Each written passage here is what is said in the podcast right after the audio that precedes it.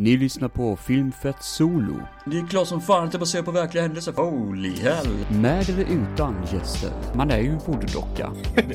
Alltså det, det är det som är så sjukt. Det känns som att... Eh, Till exempel fighten med ryssen. Det är, Ja, den är så underbar. jävla klockren. Jävla bra. Om ursprunget av Tomb Raider. Alltså jag var inte förberedd på det. Jag, jag var faktiskt rädd på riktigt. Filmfett Solo. Antingen jävligt cringe eller jävligt cool. Ja, men goddagens, goddagens gott folk och hjärtligt välkomna tillbaka till Filmfett Solo med mig, Robin Andersson. Fan, det är så gött att sitta här och vara back in action, stronger than ever. Och eh, idag så har jag ett riktigt coolt tema med två filmer som råkar ha en sak gemensamt. Parasiter. Och det är egentligen en ren slump. För när jag såg den första filmen tänkte jag, vad fan, det hade varit kul att snacka om den. Men man vill inte bara prata om en film, man vill snacka om ytterligare en film till. Och så råkade jag hitta ytterligare en film på Netflix som jag kände, ja men det här hör ihop lite grann. Det, det skulle kunna bli ett tema på det. Men eh, det är också det att jag vill ha en cool segway till avsnittet.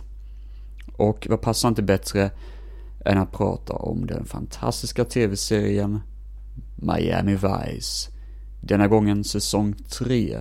Som jag satt lite tänderna i lite sådär försiktigt och liksom smakat på de här eh, underbart underhållande fyra avsnitten som jag ska prata om innan vi drar igång med dagens riktiga tema.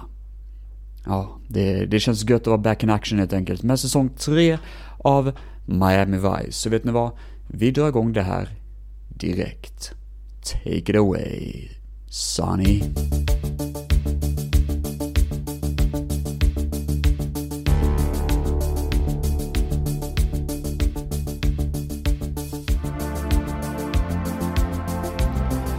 Miami Vice, säsong 3. Börjar med avsnittet When Irish Eyes Are Crying. Och eh, här får vi se Liam Neeson i en liten cameo, eller en biroll rättare sagt. Där han spelar en sån här eh, presentatör på ett möte. Han kommer från Nordirland och han vill ha en fredlig lösning på deras problematik med det här kriget mot Storbritannien då som de hade, den här eh, lilla inbördeskriget som fortfarande är lite känsligt sådär liksom. IRS och allt det där. Han vill ha en eh, fredlig lösning på det där. Så han håller på att ha något möte om detta då. På en, jag tror det är en kyrka eller något sånt. Och eh, en av eh, Miami Vice karaktärerna då, Gina, som en biroll i hela serien. Hon eh, är med på det här mötet och eh, Miami själva sitter utanför då, eh, själva polisstyrkan eh, då, för att de vet att det är en hotbild över själva mötet. Och Liam Neeson spelar en karaktär som är ganska stor. Han spelar en karaktär som heter då, eh, nu ska vi se, Caron heter han. Vi får även se rektorn från Breakfast Club. Mess with the ball and you'll get the horns. Han är med på det här mötet, vilket är lite intressant ändå, för han kommer ju inte från Irland vad jag vet, men skitsamma. Han är i alla fall Carons typ medarbetare. I alla fall det dyker upp en snubbe som försöker skjuta Liam Neeson, men eh, blir ihjälskjuten istället då, av Gina. Och detta gör då att Caron, det vill säga Liam Neeson, blir lite kär i Gina och de har en liten fling som faktiskt är ganska sött. Som en sån här fin liten bihistoria i hela, eh, vad ska man säga, hela avsnittet då. Men eh, Sonny och Crockett försöker ta reda på vem det är som ligger bakom det här mordhotet. Så de får veta att personen i fråga köpt vapen av Max Kleiser som en vapenförsäljare. Och jag kände igen den här snubben jävligt mycket. Och efter bara några sekunder så gissade jag på att en karaktär i James Bond som heter General Gogol som spelar Max Kleiser. Och det är så jävla sjukt att jag gissade detta, för vet ni vad? Det var faktiskt rätt. Jag fattar själv inte hur fan jag kunde se det, de är inte ens lika egentligen, för det här är... Jag, jag vet inte varför, han ser ju inte så lik ut som han gjorde när han spelade General Gogol. Men... Eh, Ja, jag kunde faktiskt räkna ut det, vilket är ganska creepy på något vis. Det fick mig nästan bli lite rädd hur många gånger jag sett James Bond få veta att en sån liten birollskaraktär som General Gogol, hur han ser ut. Ja, det är jävla skumt alltså. I alla fall, han är inte huvudskurken utan det finns en mer våldsam vapenhandlare som är huvudskurken, som heter Eddie Kay. Och spelas av Jeffe Hay. Och ni som inte vet vem Jeffe Hay är, vilket också låter som att det är en dålig låt.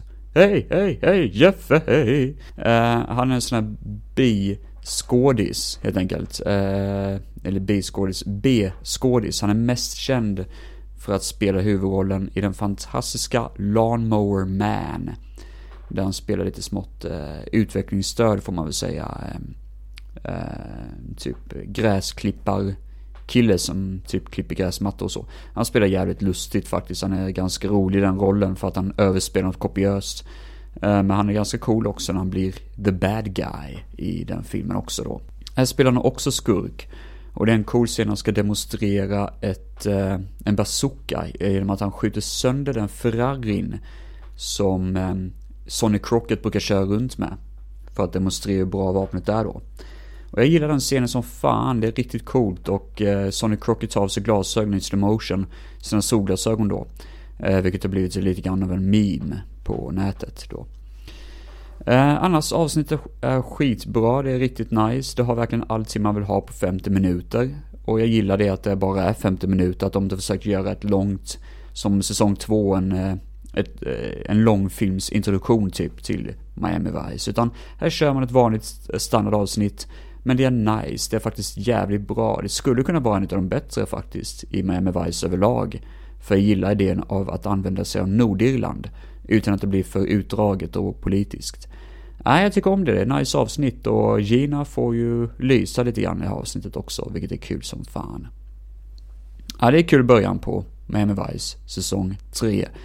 Men frågan är ju hur nästa avsnitt hanterar fortsättningen. Nästa avsnitt heter då Stones War. Och jag tyckte titeln lät jävla cool. Tills jag upptäckte att det finns en karaktär i, jag tror det är säsong 2, som heter Ira Stone. Som var en väldigt jobbig, tråkig eh, journalist typ. Med mycket sådana här kontroversiella, tråkiga idéer om konspirationsteorier och sån skit. Och han dyker upp det är ju han som är titelns anspelning då på Stones War, att han dyker upp i det här. Och det har någonting att göra med att han eh, är i ett land som heter Nicaragua. Jag kan faktiskt inte uttala det. Han är krigsfotograf och ser då hur amerikanska soldater skjuter ihjäl oskyldiga människor. Vilket gör att han senare åker till Miami och tar hjälp av Sonny Crockett då mot Sonny Crocketts vilja för att försöka då eh, säkerställa det här materialet och kunna visa det på en sån här eh, eh, nyhetssändning. Men han jagas ju såklart av två goons, två skurkar då som jobbar för den amerikanska soldaten då. Det enda som är kul med avsnittet, för jag tycker inte storyn är sådär jättewow, det, det är vissa halvroliga scener men annars generellt överlag är det väldigt tråkigt bara för att jag har så svårt för Ira Stone. Han är skittråkig karaktär. Han tillför verkligen ingenting. Det enda som är kul i alla fall är att Sonny Crockett får en ny cool bil. Och jävlar vad snygg den är. Det är som en, jag tror det är en vit Ferrari typ. Och fan vad vacker den är. Alltså det är verkligen, mm. Det glänser verkligen lacken på den. Det, det är coolt, det är riktigt snyggt och det känns sådär liksom faktiskt respektabelt att han ändå fick den här nya bilen på något vis. Vi får även höra Peter Gabriels låt Red Rain, som jag fullkomligt älskar. En av hans bästa låtar faktiskt. Och det är ju alltid ett plus i kanten. Nej äh, men överlag Stones War är ett minus överlag. Eh, faktiskt ett ganska intetsägande avsnitt och man kan lika gärna skippa det och bara gå vidare till nästa. Eh, vilket kommer här. Killshot heter nästa avsnitt av. Det är avsnitt tre då. Och eh, vi har en kille som spelar sport. Eh, jag kommer inte ihåg vad fan sporten hette typ, men han kastar runt en jävla boll i alla fall. Med någon konstig sån här, uh, vad kan man säga, det är som en, um, ja nästan som en typ av, uh, vad fan ska man säga, tennismatch typ. Fast det är speciella instrument man använder för att kasta bollen typ. Nej, jag vet inte fan, jag kan ingenting om sport. Men i alla fall den här sportkillen har ju drogproblem och utsätts för en situation som inte är så rolig. Han tror att han har mördat en tjej Men det har han egentligen inte gjort, det hela var iscensatt. Problemet är bara att den här spottkillen har ju en brorsa som råkar vara polis, som heter Ariola, om jag stavat det rätt. Och Ariola har ju som mission då att sätta dit en ond skurk som heter Morales med hjälp av Miami Vice. Men problemet är att Ariola får veta då att den här, hans brorsa hamnat i problem med eh, droger och skit. Och Morales tar ju möjligheten till att kunna då eh, utnyttja det här och få eh, Ariola att se ut som en bad guy. Ah, alltså, eh, jag är dålig på att beskriva avsnittet, men generellt är det ganska dåligt avsnitt. Man, eh, det handlar om, mm, man ska försöka pressa en polis på att du ska fan inte ge några bevis mot, att, mot vad vi har gjort här liksom. Du, du ska vara vårt skyddsnät mot att vi inte hamnar bakom lås och, dom, eh, och bom typ. Men tvisten är att polisen jobbar för, eh, jobbar med Miami Vice. Så eh, det är väl det enda egentligen, men annars det är ett väldigt intetsägande och tråkigt avsnitt utan särskilt roliga karaktärer. Det finns inte särskilt mycket kul att säga. Det enda som inte är småkul är att det finns en bodyguard, en sån här skyddsvakt till Morales, då skurkan. Som eh, är jävligt biffig kvinna. Hon är skitstark, typ stark så in i helvete. Hon vill man se mer utav, men annars överlag så väldigt tråkigt avsnitt. Återigen en låt av Peter Gabriel. Mercy Street dyker upp. Också en mysig låt. Och eh, jag tror den heter Wild One. Men jag vet inte fan vem det är som har gjort den låten. Men det är en klassisk låt man har hört många gånger. Jag tror den dyker upp i någon av de här eh, ett Parent och farsan-filmerna. Nej, Killshot är fan väldigt intetsägande. Nästan värre än Stones War på det sättet att jag nästan glömt bort det helt och hållet. Ärligt talat. Så vi får hoppas att sista avsnittet på den här skivan kan leverera lite mer. Sista avsnittet heter Walk Alone. Och eh, det börjar med att Ricardo Tubbs, Sonny Crocketts kollega, dejtar en eh, tjej och hon blir skjuten mitt under en sån här bust på hennes jobb. En sån här drug bust kan man kalla för. Och hon är oskyldig, hon har verkligen inte haft någonting med det att göra. Hon råkar bara vara servitris på den här baren där skurken råkar befinna sig. Och det är ju hemskt för Ricardo Tubbs känner att fan vad är det som har hänt typ liksom. Eh, det därför är det en olyckshändelse att allting hände från första början. Men eh, det här leder till att man får veta det att själva drugbusten, alltså själva drog Eh, ja, attacken har att göra med fängelset Bolton Prison. För på Bolton går det tydligen rykten om att någon på Bolton håller på med drog, eh, vet du det, alltså knarklangar helt enkelt. Och Ron Perlman har, eh, som dyker upp i det avsnittet, han försöker eh, typ, in, alltså ta reda på mer och kunna ge mig fakta till Miami Vice. Men poliserna måste gå undercover till fängelset. Och Sonny är jävligt på med att han ska gå undercover. Men problemet är att han har ju arresterat många människor som sitter på Bolton och de hade känt igen honom direkt. Så man väljer istället att använda sig av Ricardo Tubbs som ändå tydligen lyckats behålla sin undercover-identitet eh, betydligt mer än vad, um, vad um, Sonny Crockett hade gjort. Så Tubbs går undercover på Bolton Prison och eh, det är ett jävligt farligt ställe. En av poliserna där, Lawrence Fishborn, smal som fan han. Han är korrupt snut. Och eh, han, eh, eller vakt rättare sagt, och han pressar alla, särskilt Ricardo Tubbs som fan, typ. Eh, det blir ganska likt Blood In Blood Out, om ni har sett den filmen. Fantastiskt bra och cool. 90-tals thriller om livet eh, bakom eh, lås och bom. I alla fall, saker och ting ballar ur lite grann och Tubbs hamnar i en situation där han blir inlåst i stort sett i fängelset och någon måste bryta sig in i fängelset för att rädda Tubbs och rädda situationen. Och det är bara Martin Castillo som kan göra detta, vilket är skitcoolt. Hela avsnittet är en enda stor nagelbitare. Det är jävligt intensivt. Det här med att tjejen dödas i början är bra och sådär, men det här med fängelset som tar majoriteten av avsnittet, det är fantastiskt. Och finalen är grym, precis det man vill se i, eh, ehm, i den här typen av serie. Det känns gött att man byter miljö, byter fokus och lägger ett annat tema bakom avsnittet helt enkelt. Ja, jag gillar det. Jävligt coolt. Walk Alone alltså. Och där kan vi sätta spiken i kistan för Miami Vice för denna gången.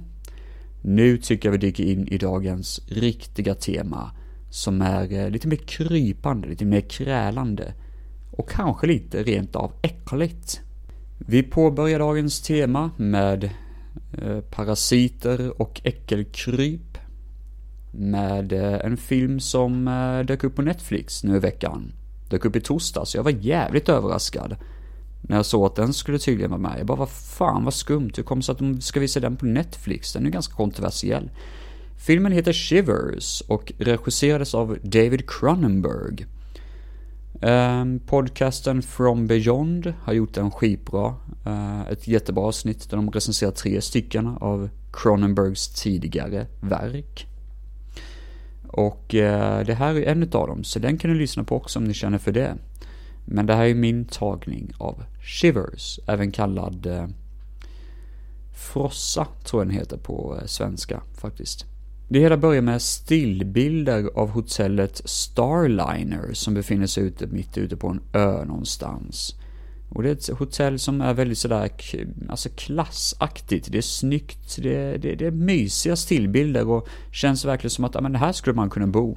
Fram till saker och ting ballar ur. Vi introduceras till en rad olika karaktärer. Det börjar med att Mr och Mrs Sweden jag tror de misst... alltså, jag, jag, tror de heter något annat egentligen, typ Sweaton.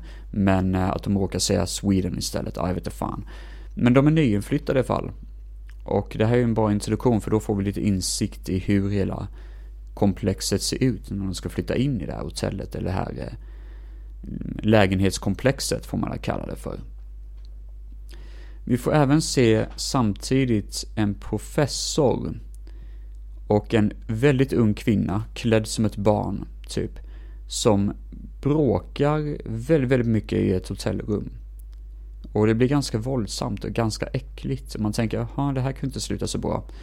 Och det slutar med att kvinnan blir uppskuren av professorn, som typ nästan massakrerar henne och kollar hennes buk innan han tar sitt egna liv. Det är ganska brutalt. Man tänker, vad fan, jaha, okej. Okay. Det här var lite udda. Vi får även träffa en eh, krulltotte, har jag skrivit här. Eh, för det är det enda som eh, egentligen är eh, intressant med honom, att han har krulligt hår. Som eh, heter Nick, och han verkar ganska sjuk av något. Och Nicks väldigt, väldigt, väldigt vänliga fru um, kan inte riktigt förklara vad, alltså varför han inte vill gå till läkaren och undersöka, men han verkar knepig, han hostar väldigt mycket och han verkar klämma på sin mage som att det känns som knutor där. Ja, han verkar inte må så bra typ. Men han går, drar iväg till jobbet som vanligt. Samtidigt som då den här, eh, en doktor i komplexet som heter Saint Luke, Dr. Saint Luke, han undersöker det här dödandet då, både av professorn och den här kvinnan, och tycker att det... Vad fan är det som har hänt egentligen? Han undersöker lite grann vad som hände där. Och saker och ting utvecklas lite mer. Det, det, det är ganska slow burning. Det, det, är verkligen Cronenberg när det kommer till tempot. Så det, det, är ganska slow burning, men ganska mysigt också på sätt och vis. Fram tills det att Nick börjar hosta och spy ut en massa levande parasiter. Han spyr en massa blod och parasiter och skit. Och eh, blir mer och mer utfrusen mot sin fru, alltså sådär att han vill inte ha med henne att göra typ. Och hon vill ju veta vad det är med honom, varför han blir så sjuk. Och hon fattar ju inte att han spyr ut en parasit. Men det börjar ju sant Luke, den här läkaren, att upptäcka mer och mer att det är något, någon verklig märklig händelse som händer där ute. Nu har jag inte skrivit så mycket här mer eh, i mina anteckningar, men man kan säga så här. Det blir en breakout då folk börjar bete sig väldigt, väldigt sexuellt aggressivt. Eh, de hoppar på folk och nästan börjar faktiskt våldta människor. Och det blir mer och mer och mer genom filmens gång. Vi får inte se så mycket tack gode gud, vilket känns jättebra. Annars har det bara varit en ursäkt för att visa våldtäkt, men det, det är det inte. Utan här är massvåldtäkt på hög nivå utan att vi ser någonting. Och det kanske låter konstigt, men man märker när en person blir påhoppad av typ 13 pass att okej, okay, det här kommer fan inte vara kul. Och sen så blir den personen riktigt besatt och vill liksom också våldta och hålla på. Han som spelar Nick, den här krulltotten då, eh, jag tycker han är jävligt lik Steven Lack från Scanners, men det kan inte vara samma person. För ehm, Steven Lack är fan mycket värre skådespelare. Det kommer jag prata om när vi pratar om Scanners-trilogin, utan tvekan. Ja, det är en ganska intressant film. Jag gillar idén om det här med eh, en sexuell våg av våld. Och det är ju ganska äckligt sådär liksom. Eh, på det sättet att det, eh, det blir pedofili också. Som sprids som ett virus nästan. Att alla har ju verkligen sex med alla. Inklusive då att eh, även om vi inte får se så mycket så är det antydan, tung antydan på att barn kommer ju inte eh, ja, gå undan det här oskyldigt så att säga. Och det tycker jag var jävligt obehagligt faktiskt. Sen så tycker jag att tempot är lite, lite segt ibland. Um, även om det är bra med en sån här slow burner så kan jag förstå att många människor som ser den här filmen tycker att den är alldeles för långsam och visar för lite. Och det har jag respekt för. Men uh, jag tycker faktiskt det funkar för den kanadensisk, uh, det, det är kanadensiskt, så när man gör en kanadensisk risa kan man göra så här. Jag vet inte varför, men det bara känns så. Sen så tycker jag väl att det blir lite väl mycket zombiefilm mot slutet, att det blir lite ordinär skräck och det kanske är lite tråkigt att kolla på men det, det kan jag ändå leva med på sätt och vis. Det, det är vad det är med andra ord. Ja, överlag en helt solid film, tycker jag. Jag hade en good time när jag såg den. Och eh, jag rekommenderar att spana in den. Den är typ en timme och 30 minuter lång. Och den eh, känns lite futuristisk också i sitt foto, typ att det, det är mycket sådana här det påminner lite grann om den filmen High Rise. Eh, från, från några år tillbaka, 2017 tror jag. Som eh, inte var mästerverk på något vis, men den hade lite sådär 70-tals futuristisk look på sig. På något vis, att det känns som att det, det är 70-talet men det är ändå futurism och stilrent. Lite grann som A Clockwork Orange typ. Ja, överlag en solid film och eh, jag kan ju lika gärna ge betyg med för varför, varför inte liksom. Jag skulle ge den 3 av 5. Jag tycker den är solid, den var bra och eh, väl värd väntan för jag väntade till att se den en fredag. Och jag tycker det var värt det. Jag tycker faktiskt det var gött att se. Och kul början för Cronenberg för det här är väl en av hans första stora filmer tror jag i alla fall. Eller större produktion i alla fall. Ja, men Shivers heter den som sagt var. Eh, A.k.a. Frossa. Finns ute på Netflix så det är bara att spana in den. Nu så ska vi gå vidare från en parasit som är lite mer sexuell natur. Men väldigt, våld, väldigt våldsam. Till en annan parasit som är lite mer kommunikativ. En annan typ av parasit, helt enkelt. Vi ska prata om Marvel-filmen Venom. Filmfett solo, antingen jävligt cringe eller jävligt coolt. Venom gjordes av ett företag, kom fan inte ihåg vilket det är som har gjort den, men det är ju inte en del utav MCU, Marvel Comic Universe, så vi får ju inte se Spiderman och sånt. Och många reagerade jävligt negativt på det, att vad fan ska man göra en Venom-film utan Spiderman för? Men eh, det är väl egentligen inte det som man har klagat på ur mitt perspektiv i alla fall, men eh, men man kan säga så här att det är ändå en vattendelare. Många människor, vissa människor, tycker att den är rejäl bullshit, att den verkligen inte har någon poäng att existera överhuvudtaget. Andra människor tycker att den är jävligt underhållande, om man tar det för vad det är. Och eh, det blir intressant att se var jag står på det här lilla spektrumet, för eh, eh jag trodde väl jag skulle stå på ett annat sätt än vad jag egentligen står just nu. Men eh, vi kommer gå in på det lite mer. För det första så börjar allting. Ja, just det. Jag ska säga det här direkt att jag kommer troligtvis spoila delar av filmen. Eh, kanske inte spoila allting, men i alla fall. Eh, kan vara bra att veta. Men eh, filmen introduceras med att ett rymdskepp som har varit ute på en forskningsresa kommer tillbaka till jorden, men stöttar för att någonting går fel. Alla dör i stort sett. Eh, men det enda som räddas från själva forskningsskeppet är ju organismer i eh, sådana här burar eller glascontainrar kan man kalla det för. Jameson är en karaktär som eh, råkar vara på det här forskningsskeppet.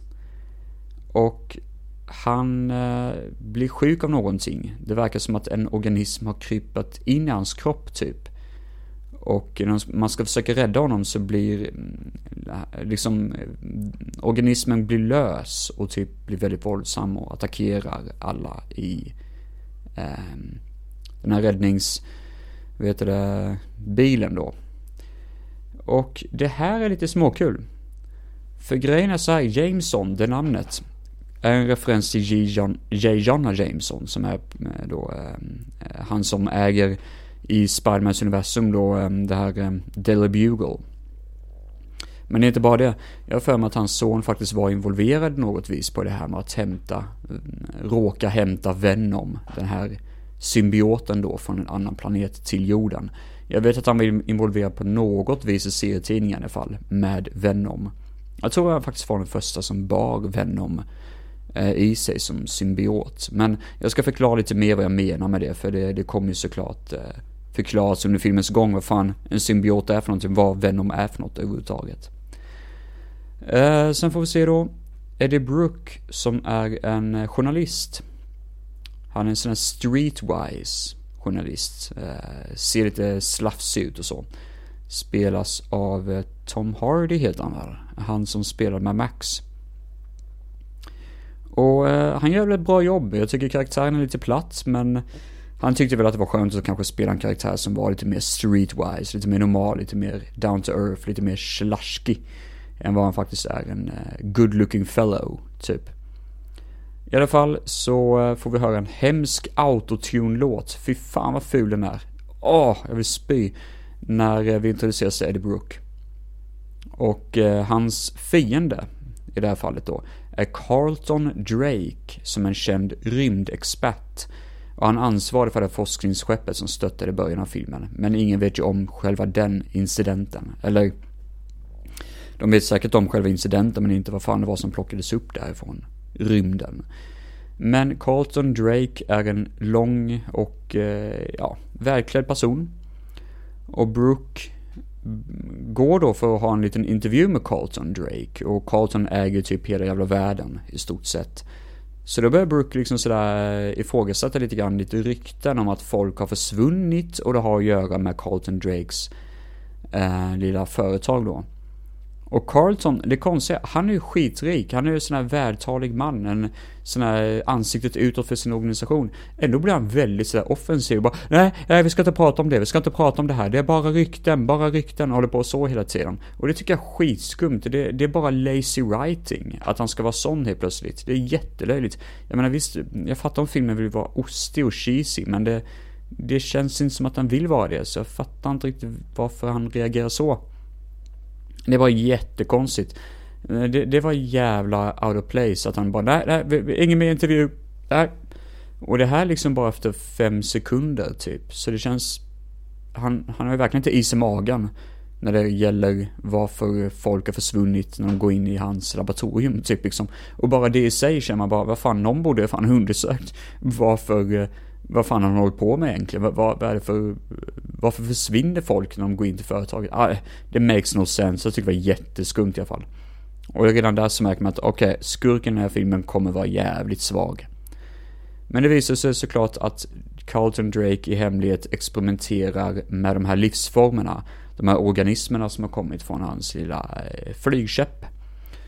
Eh, för de klarar ju sig, själva organismerna, det var ju bara en som blev lös under den här, eh, när det stöttade hela skeppet då.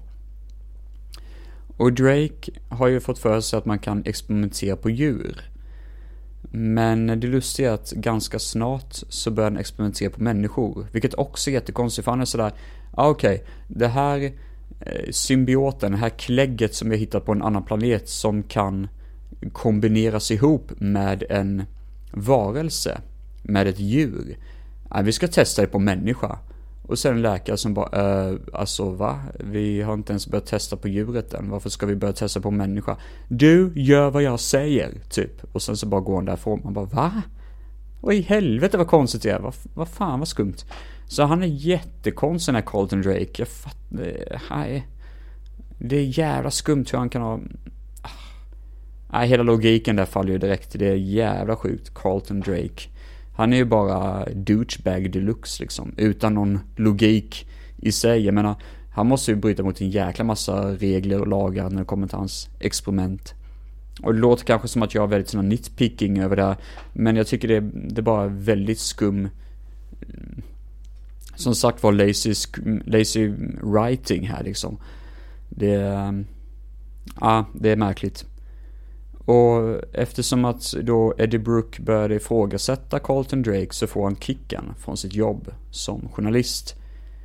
Så det gör att vi hoppar sex månader efter det här, efter att Eddie Brooke fick kicken och, och han lever ett sluskigt liv och sådär, väldigt nere på gatan typ. Och visst, det är ganska gött ändå på sätt och vis, för han är ju sån, han snackar mycket med hemlösa, han pratar mycket med folk som kanske inte har det sådär jättebra och letar jobb som fan och Hans ex-tjej har ju gift om sig och han har det ett helvete typ. Men jag gillar ändå det på sätt och vis. Det, det är down to earth och jag tycker det, det är nog det som eh, tilltalade Tom Hardy att spela rollen som Eddie Brooke. Att han får vara lite mer down and gritty typ. Och köra runt med sin motorcykel i en senare scen då.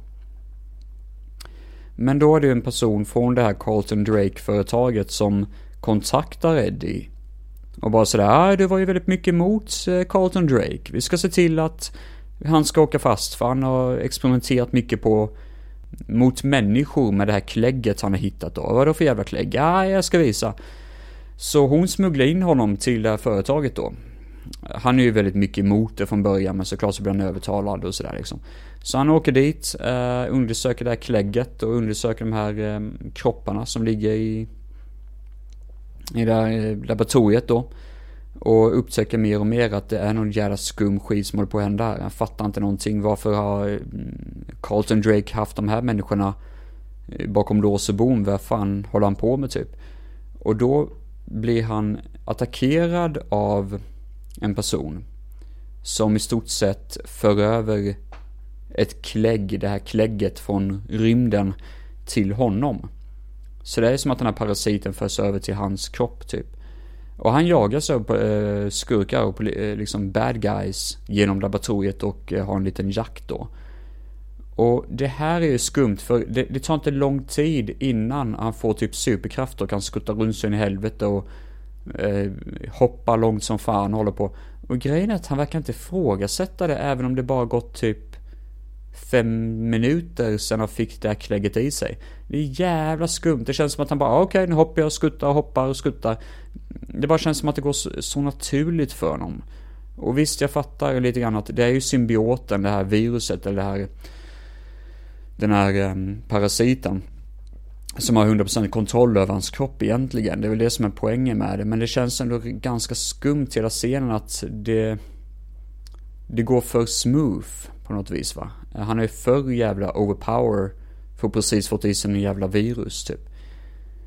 Och uh, i alla fall, ju längre in i filmen man kommer så börjar han höra röster från någonting och han fattar typ att han har fått i sig någon skum grej i kroppen. Det är någon scen då han konfronterar sin ex-tjej och går runt och äter en jävla massa mat för det är tydligen någonting som hans kropp måste göra typ, eller hans eh, virus. Han går in på en sån här offentlig, typ jättefin restaurang och hoppar in i ett bad, alltså ett kar med massa sån här eh, kräftor och skit. Och det är jättepinsamt, alltså jag vill nästan stänga av när jag såg det för jag bara kände vad fan är detta liksom, det här är ju vad fan, vad fan är detta liksom? Det är bara hemskt att kolla på. Jag menar, jag fattar att eh, ibland måste ju en film vara lite komisk, men det här bara, det, jag vet inte, jag vet inte fan vad det är jag kollar på egentligen. Och jag kände direkt det här, nej, det här funkar inte liksom, vad är detta? Men eh, i alla fall, så eh, ju längre in i filmen han kommer så hör jag ju mer utav rösten, den här mystiska rösten som pratar med honom. Och de försöker undersöka läkarna då, för han, eh, hans ex-tjej dejtar en ny person, Dan, som är läkare och Dan är schysst nog och försöker hjälpa honom och det tycker jag är jävligt gött. Han är en schysst karaktär liksom sådär. Och det gäller egentligen hans ex-tjej med, att hon faktiskt hjälper honom. Det tycker jag är schysst. Det, sig, det betyder att hon egentligen bryr sig om honom lite grann. Även om de är ex, sådär liksom. Men, eh, ja, han, det går ju sådär fram till det att eh, nu börjar den här onda Carlton Drake upptäcka att någon har brutit sig in i labbet, eller han får veta att det var Eddie Brook, det vill säga. Vilket gör då att han eh, ja, skickar massa lönnmördare på att döda Eddie Brooke typ. Men grejen är bara det att den här symbioten, den här grejen i hans kropp slåss emot dem. Vilket gör att det blir en jävla lång jaktscen som är skitcool. Den är jävla cool faktiskt. Det slutar till och med med att han kör motorcykel och allt möjligt. Och det, ja, det, är, det är fan det bästa actionscenen i hela filmen liksom. Jävlar vad coolt det är. Och då fattar man lite mer vilken, vad den här symbioten, den här, eh Eh, det här viruset kan göra, det här infektionen i hans kropp kan göra för någonting. Men det är också det att den här grejen är ju rätt ond. Den gör ju hemska saker och bryr sig inte så mycket om människoliv. Det är lite grann som Hulken kan man säga. Fast den är alltid aktiv, konstant liksom. Och eh, sen så blir det också då att man får se lite mer av Venom under filmens gång då han typ transformerar sin riktiga form och visar sin riktiga comic book form från serietidningen. Och det ser nice ut, det är jävligt välgjort och det fattar jag att fansen verkligen älskar för när han väl dyker upp är det fan skitcoolt och det... Ehm, jag gillar det väldigt mycket. Sen såklart så får ju Carlton Drake då i sig någon jävla symbiotgrej Precis den som Venom hade. Och förvandlar sig till ett ont, geggigt monster. Men han är typ mycket större och starkare och coolare typ än vad Venom är. Och han heter ju då tydligen Riot. Då blir det en fight mellan Riot och Venom i finalen. Det är geggigt. Och det är flashigt, har jag skrivit här. Och det är det verkligen. För det, det händer jävla massa men fan vad tråkigt det är att kolla på. Och när jag ser det här så ser jag att det är typ en halvtimme kvar på filmen. Bara, men vad fan skämtar du med? Men ska det vara en halvtimme lång fight? Nej, för fan! Men det är det inte tack och gud, utan den fighten är ändå ganska snabb tycker jag. Men det är ändå flashigt som fan och det eh, ska vara massa effekter och skit och ja, det ser hemskt ut. Det är, om man tycker att Marvel Comics, alltså MCU, att deras finaler pågår alldeles för länge. Visst gör de ju, men man, man kan i alla fall se vad som händer där. Här är det ju bara, fy fan vad fult det är liksom. Jag menar, Spiderman 3 hade ju en cool duell i slutet i jämförelse med det här. Det hade faktiskt, Spiderman 3 hade faktiskt bra actionscener. Det hade, den här filmens actionscen mot slutet är ju för jävla kass alltså på riktigt. Ja, och sen då så är det lite, lite slut på den filmen då. Jag kommer inte säga så mycket mer än det. Um, folk som är fans av filmen och tv eller serien, de vet ju redan att det dyker upp en cameo i slutet och alla hypade som fan, men jag kände när jag såg det att ah, jag bryr mig inte så jävla mycket i ärlighetens namn. Filmen har lite produktionsproblem, troligtvis bakom kameran. Skulle jag nog tippa på. Det känns så i alla fall att det, det, det är grejer som inte riktigt hänger ihop i filmen i slutändan. Och det, det märks att det är nog det som är, att det är en vattendelare. För det känns som att det, den är alldeles för ojämn tempomässigt och produktionsmässigt. Som att den inte riktigt vet vad, vilket, vilken fot den ska stå på typ. Det är ju ganska kul film, men den skulle kunna leva lite mer på att faktiskt hålla sig lite mer, luta lite mer åt ett visst håll. Och kanske ta... Det känns som att den egentligen står för mycket i mitten, om ni förstår vad jag menar. Hade den vågat vara lite mer våldsammare med komiska element kanske, hade det kanske varit en roligare film att se, typ i lack of better words så får man säga Deadpool. Men den vill inte riktigt det. Den vill inte heller vara brutal eller mörk, typ Punisher-aktig, utan den vill vara en massa olika saker och den vill att Eddie Brooks ska vara en viss typ av karaktär. Ah, jag tycker filmen var ganska platt i slutändan. Jag tycker Eddie Brooke var ganska platt också. Och Carlton Drake är ganska platt. Det är bara Venom som gör filmen kul när han dyker upp, för det blir som en body cop-film typ. När han dyker upp och man hör dem prata och kommentera vissa actionscener och sådär. Det är han som gör själva actionsekvenserna. Samtidigt som Eddie Brooke bara liksom råkar vara en fysisk form. Ja, jag är ledsen men i slutändan på den här filmen så blir det nog 2 av 5 alltså det. Jag tycker inte den var så väl värd att se. Den är inte så värdelös tycker jag som alla andra säger, som vissa säger. Men samtidigt så känner jag att jag förstår nog mer dem än vad jag förstår dem som säger att det är en bra film. För jag tycker faktiskt inte den är bra alltså. Nej. Nej, av dessa två, det var ganska kul ändå att kunna snacka om två helt olika typer av infektioner så att säga. Med både Shivers, som är lite mer um, Cronenbergisk, lite mer body horror. Typ och lite mer uh, som en um, nästan lektion i, eh, i kroppsligt mm, och uh, liksom fysiskt begär. Och ta referenser mellan, eller dra paralleller till Venom som är mycket mer sån här löjlig actionrulle, typ B-rulle med hög budget. Ja, men det är nog det faktiskt som jag har att säga om de här två filmerna och om Miami Vice, som sagt var. Så eh, då tackar jag för mig och hoppas att ni har tyckt om avsnittet. Glöm inte att följa Filmfett på Instagram. Finns även på Facebook. Och eh, ja, ha det bäst mina vänner. Ciao!